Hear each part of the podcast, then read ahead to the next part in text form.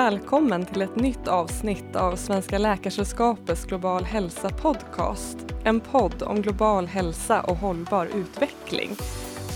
Mitt namn är Victoria och jag är vice ordförande i Svenska Läkaresällskapets kandidat och underläkarförening. Och med mig har jag Sara. Hejsan! Jag är ordförande i kandidat och underläkarföreningen och både jag och Victoria eh, jobbar som AT-läkare för tillfället. Och idag så befinner vi oss i Malmö, eh, närmare bestämt på Stora likarättsdagarna där vi i Svenska Läkaresällskapets kandidat och underläkarförening är delaktiga som arrangörer. Jättekul tycker vi! Idag ska vi prata med två representanter från Kunskapsnätverket för samisk hälsa om kulturförståelse i vården för samers och minoritetsgruppers hälsa och vilka utmaningar vi står inför för att förbättra hälsan hos dessa individer. Eh, vi är väldigt glada att ha med oss Laila Derga och Sofia Kling. Varmt välkomna! Tack. Tack. Laila Derga, du är länskoordinator för Region Västerbotten i Kunskapsnätverket för samisk hälsa. Eh, du är medicindoktor i folkhälsovetenskap och verksam i forskargruppen LAUO vid epidemiologi och global hälsa, Umeå universitet. Du har samisk bakgrund och är uppvuxen i en renskötarfamilj. Jättevälkommen hit! Tack, tack. Och Sofia Kling, du är huvudkoordinator för Kunskapsnätverket för samisk hälsa. Du är filosofie doktor i historia, men har arbetat med samiska hälsofrågor sedan 2013. Du har majoritetssvensk bakgrund och vi är väldigt glada att ha med dig här idag.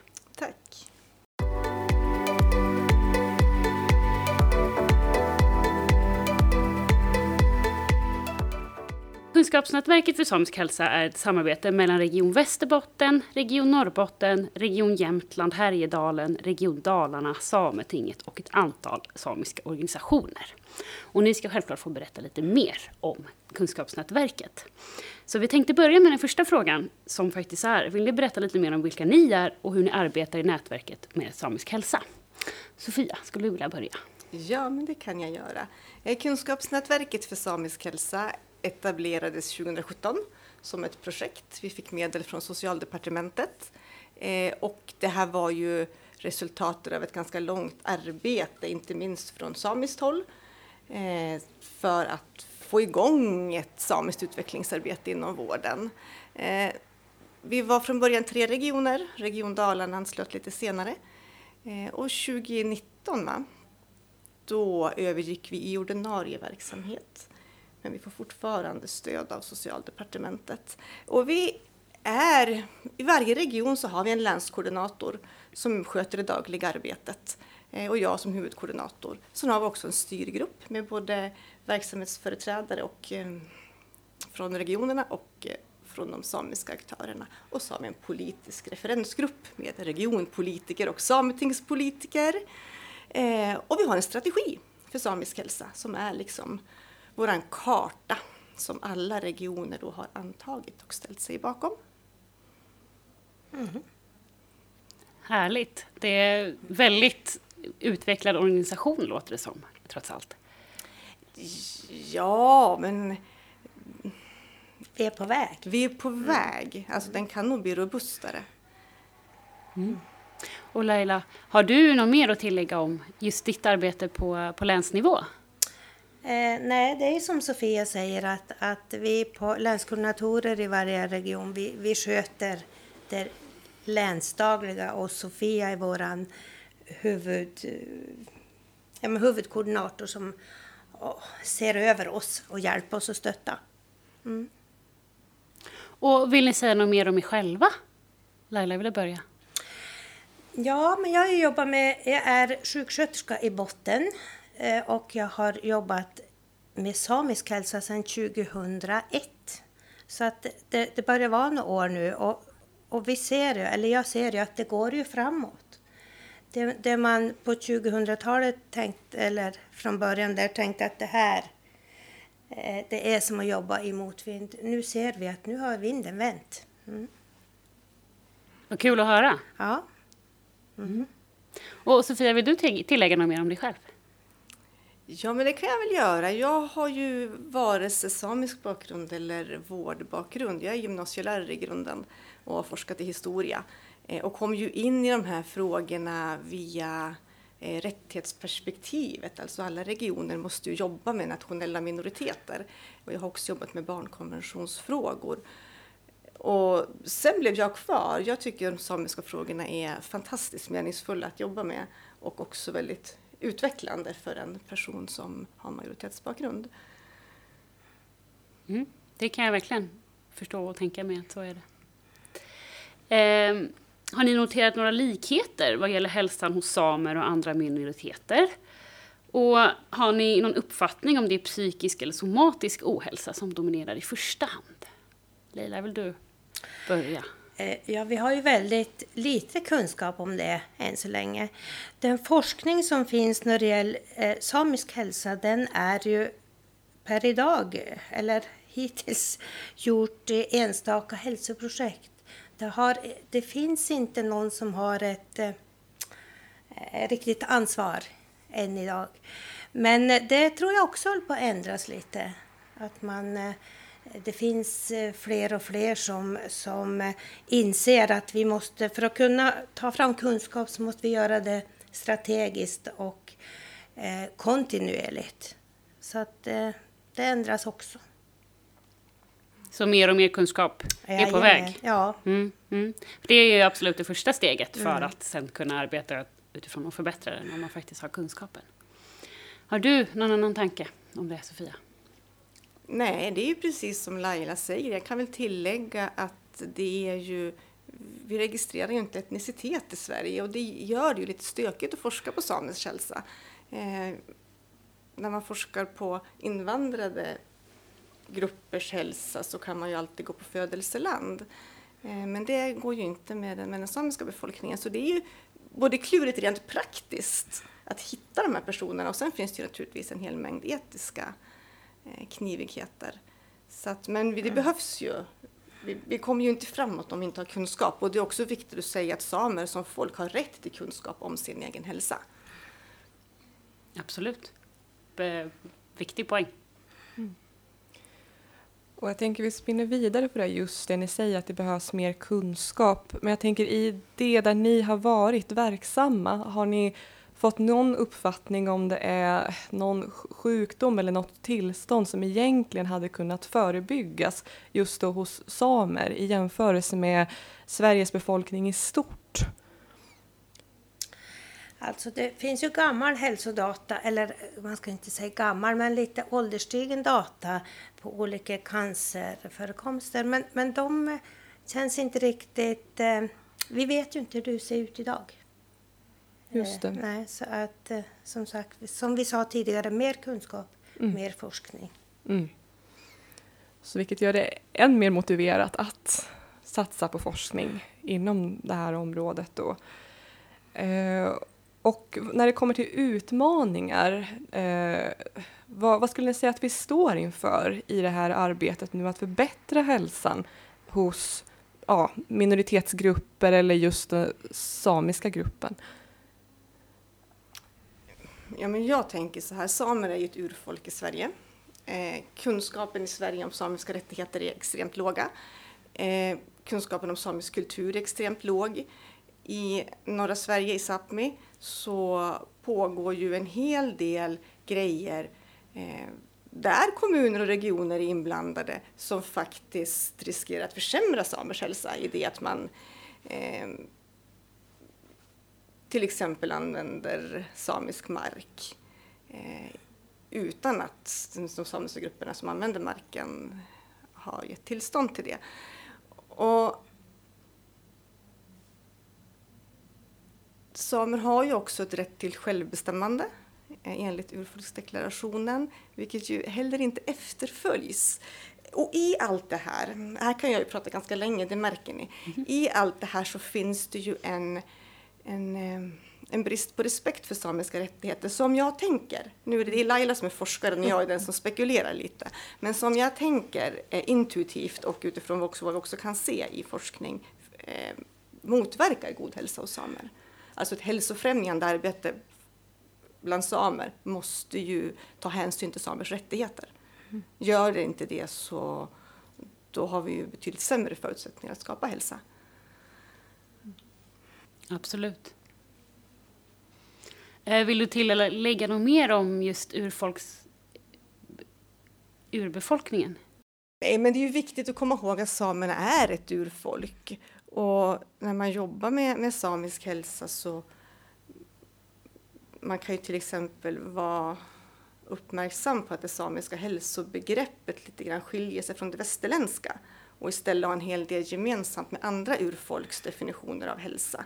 Och i ett samiskt hälsobegrepp och lika då i bland andra urfolk så finns ju den här kopplingen till land och vatten till exempel väldigt tydligt, djur och natur, eh, andlighet, den typen av, av eh, aspekter och dimensioner som vi kanske i ett västerländskt tankesätt inte är så vana att ta in.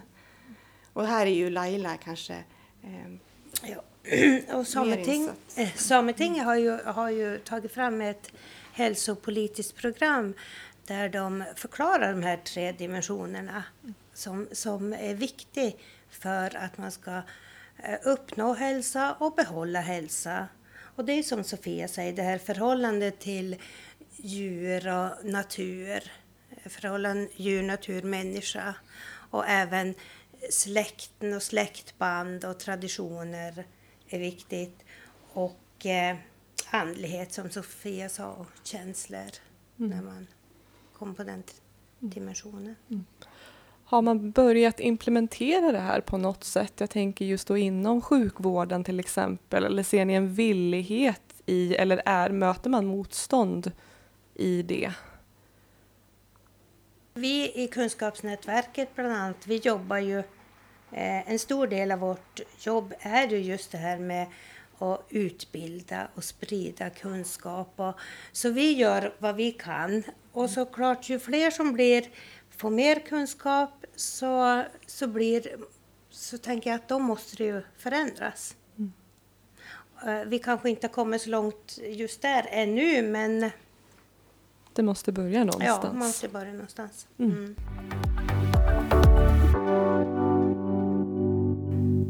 Ehm, vi hoppar på nästa fråga.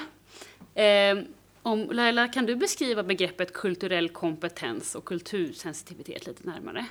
Och eh, vad betyder begreppet för dig och hur kan vi faktiskt hur kan vi arbeta för att det ska lyftas inom vården där så att det blir någonting som alla tänker på i sin dagliga aktivitet?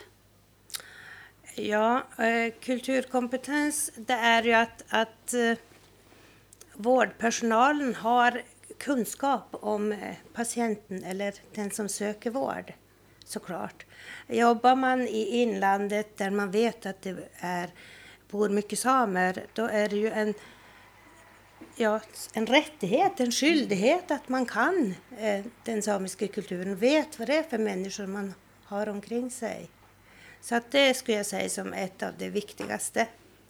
Sofia, har någonting att tillägga när det gäller kulturkompetens? Ja, och sen behöver man ju kunskap om sin egen kultur. Mm. Eh, Absolut. Och det är man ju kanske inte jättevan att fundera på om man har majoritetssvensk kultur. Har man någon annan kultur så är, då har man ju varit med om de här skavningarna och då har man reflekterat mer över kultur. Men att reflektera över vad som är kultur och kunna känna igen att det här kanske är kultur. Det som händer i det här rummet kanske är kultur. Och att då kunna ställa eh, kultursensitiva frågor mm. som är öppna och inte påträngande. Mm. Vad kan vara ett exempel på en kultursensitiv fråga? Ja, men jag tycker det här är en bra fråga. Mm. Finns det någonting i din bakgrund som du tror att jag behöver veta för att kunna hjälpa dig? Jättebra fråga att ta mm. med sig. Ja, och jag gillar den för att den lämnar kontrollen hos patienten. Mm. Patienten mm. kan då själv välja om hen vill berätta eller inte. Mm. Istället för att man som vårdpersonal ska dra slutsatser mm. i förväg. Mm, absolut. Och det, det här spinner egentligen lite vidare på nästa fråga. För då var det, är det något som kan vara bra att ha i åtanke vid mötet med minoritetsgrupper generellt och med samer i synnerhet? Förutom det ni lyfter lite nu, kommer ni på något mer?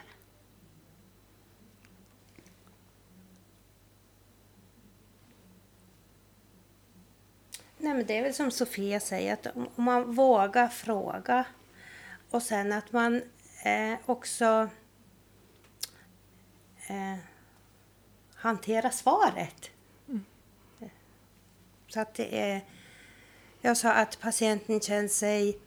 Eh, vad ska man säga? Ja, men bra bemött och att, att eh, man inte blir utsatt. För det är ju inte meningen när man kommer till vården. Det är väldigt många patienter som kan beskriva hur det, det uppstår en sorts fascination inför den samiska identiteten. Mm. Och det är, väl det, det är väl där som det här med hur man hanterar mm. det här, mm. att, man har, att det är, ja men den här personen är en samisk person eller från något annat land eller från någon annan nationell minoritet och då gäller det ju att inte gå in i det här wow, vad mm. häftigt, mm. utan att agera mer professionellt och kultursensitivt. Det var väldigt eh, klokt tycker jag, just det där du sa att hantera svaret. För man kan så mycket försöka, eller jag som liksom i min profession, att man funderar vad ska man ställa för, för bra fråga som blir rätt. Men sen, och så kanske man glömmer bort svaret lite, för att man har funderat så mycket på det. Ehm, så det var jättebra, det ska jag ta med mig i alla fall. Mm. Bra. Och vi går vidare där då. Hur, vad skulle ni säga för att öka medvetenheten kring samisk hälsa? Eh, och tänker då i samhället i stort. Har ni några bra tips eller rekommendationer som man kan ta med sig om man är villig och också hur man på arbetsplatsen till exempel kan, kan öka den här medvetenheten?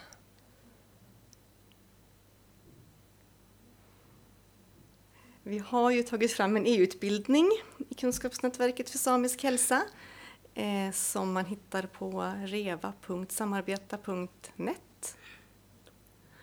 Och det kan ju vara en bra början. Det är, man är ju inte färdiglärd efter att man har genomgått den utbildningen. Men det är en ganska bred utbildning. Den tar inte allt för lång tid att gå igenom. Den går igenom både rättighetsperspektiv, den går igenom samisk historia, diskriminering, rasism, kommunikation och vårdmöten och hälsa och sjukdom. Mm. Så det är ju ett sätt och sen kanske man förhoppningsvis går vidare efter att man har gått igenom den utbildningen. Eh, sen samisk hälsa, hur vi lyfter in kunskapen om den, det jag vet inte, men jag kan sakna att vi saknar hälsoperspektivet i ganska många samtalsämnen som rör samer, alltså i ganska många eh, samhällsfrågor som rör samer. Jag kan sakna hälsoperspektivet i relation till rasism mot samer. Rasism mot samer är ju, är ju väldigt vanligt och häpnadsväckande normaliserat i norra Sverige. Eh, men också rovdjurspolitik och vindkraftsutbyggnad och eh, vad det kan vara. Plågeri av renar. Ja, den här typen av, av samhälleliga utmaningar som inte riktigt tas på allvar och hur vi i det här kanske inte alls tänker på hur det faktiskt hälsomässigt drabbar. Eh, för det gör det ju. Och vi, i, vi vet ju inte så jättemycket om, om samisk hälsa som, som Laila sa, det finns stora kunskapsluckor.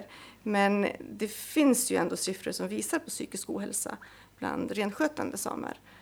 Eh, och det är ju ingen jättejärv gissning att den ohälsan hänger samman med de utmaningar som, som finns. Mm för renskötseln och för renskötare idag. Nej, och just när det gäller diskriminering så finns det också forskning som visar både i Sverige och i, i Norge, vårt grannland Norge att, att eh, blir man utsatt för diskriminering att det finns en koppling mellan somatiska besvär och främst hjärt-kärlsjukdomar till exempel. Så att det, det, är inte bara att man mår, blir psykiskt sjuk, man blir även somatiskt sjuk till slut. Mm. Mm. Just det, vilket också igen belyser just jag tänker hur viktigt det är att forska för att någonstans kunna mm. ha belägg för att också då kunna förändra det här då på sikt. Eh, och ser ni också då, för att framförallt så tänker jag då att det berör de norra delarna av Sverige och där samer bor och vistas. Men ser ni också ett värde i att man från övriga delar av Sverige, jag tänker södra Sverige, att att man förkovrar sig i det här också. Självklart, mm. och det är jätteviktigt att säga att samer bor i hela Sverige. Eh, sen nämnde jag renskötare och det är klart att den, den delen av den samiska befolkningen bor ju i, i norra Sverige. Men samer finns ju i hela landet. Jättebra förtydligande. Jättebra. Eh, och ni nämnde som sagt er e-utbildning som ni har. Om man skulle vilja fördjupa sig ännu mer eh, inom och lära sig än mer, vad, vad, kan ni rekommendera? Är det någonstans man kan vända sig? Eller? Samer.se är väldigt informativ. Eh, så att det finns ju på nätet ganska mycket och bra information. Det gör det.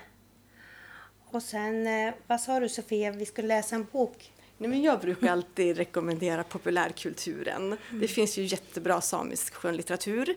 Eh, inte minst Stöld av Ann-Helén Lestadius.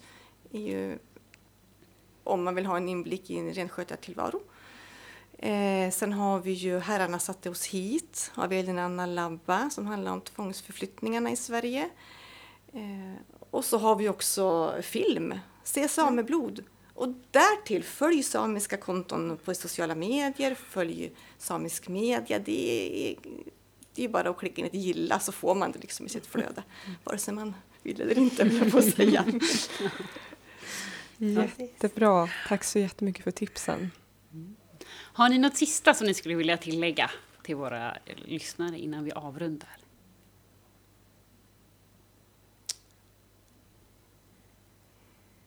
Nej, vi upprepar väl det vi sa, våga fråga och hantera svaren. Och samiska rättigheter är mänskliga rättigheter. Ja, precis. Det var ett bra avslut mm. tycker jag. Mm. Eh, för idag har vi pratat lite om samers och lite generellt om andra minoritetsgruppers hälsa. Och också försökt komma till det här vilka utmaningar vi står inför idag. Men det är inte så lätt när kunskapen inte finns, som ni har nämnt. Och att det är just forskningen som behöver komma till egentligen. Ehm, men vi också nämnde lite där kultursensitivitet och vad man kan ta med sig vid faktiskt det enskilda mötet med till exempel en patient om man är vårdpersonal eller generellt sett vid ett möte med en annan människa. Ehm, och vi vill rikta ett jättestort tack till att, för att ni ville vara med oss och prata idag. Ehm, och också ett stort tack till våra lyssnare och hoppas att ni fortsätter lyssna på vår podd och kommande avsnitt i Svenska Läkarskapets podcast om global hälsa. Och nu tänkte vi fortsätta njuta av dagen här på Stora likarättsdagarna. Men tack så jättemycket Sofia och Laila för att ni var med. Tack. Stort tack.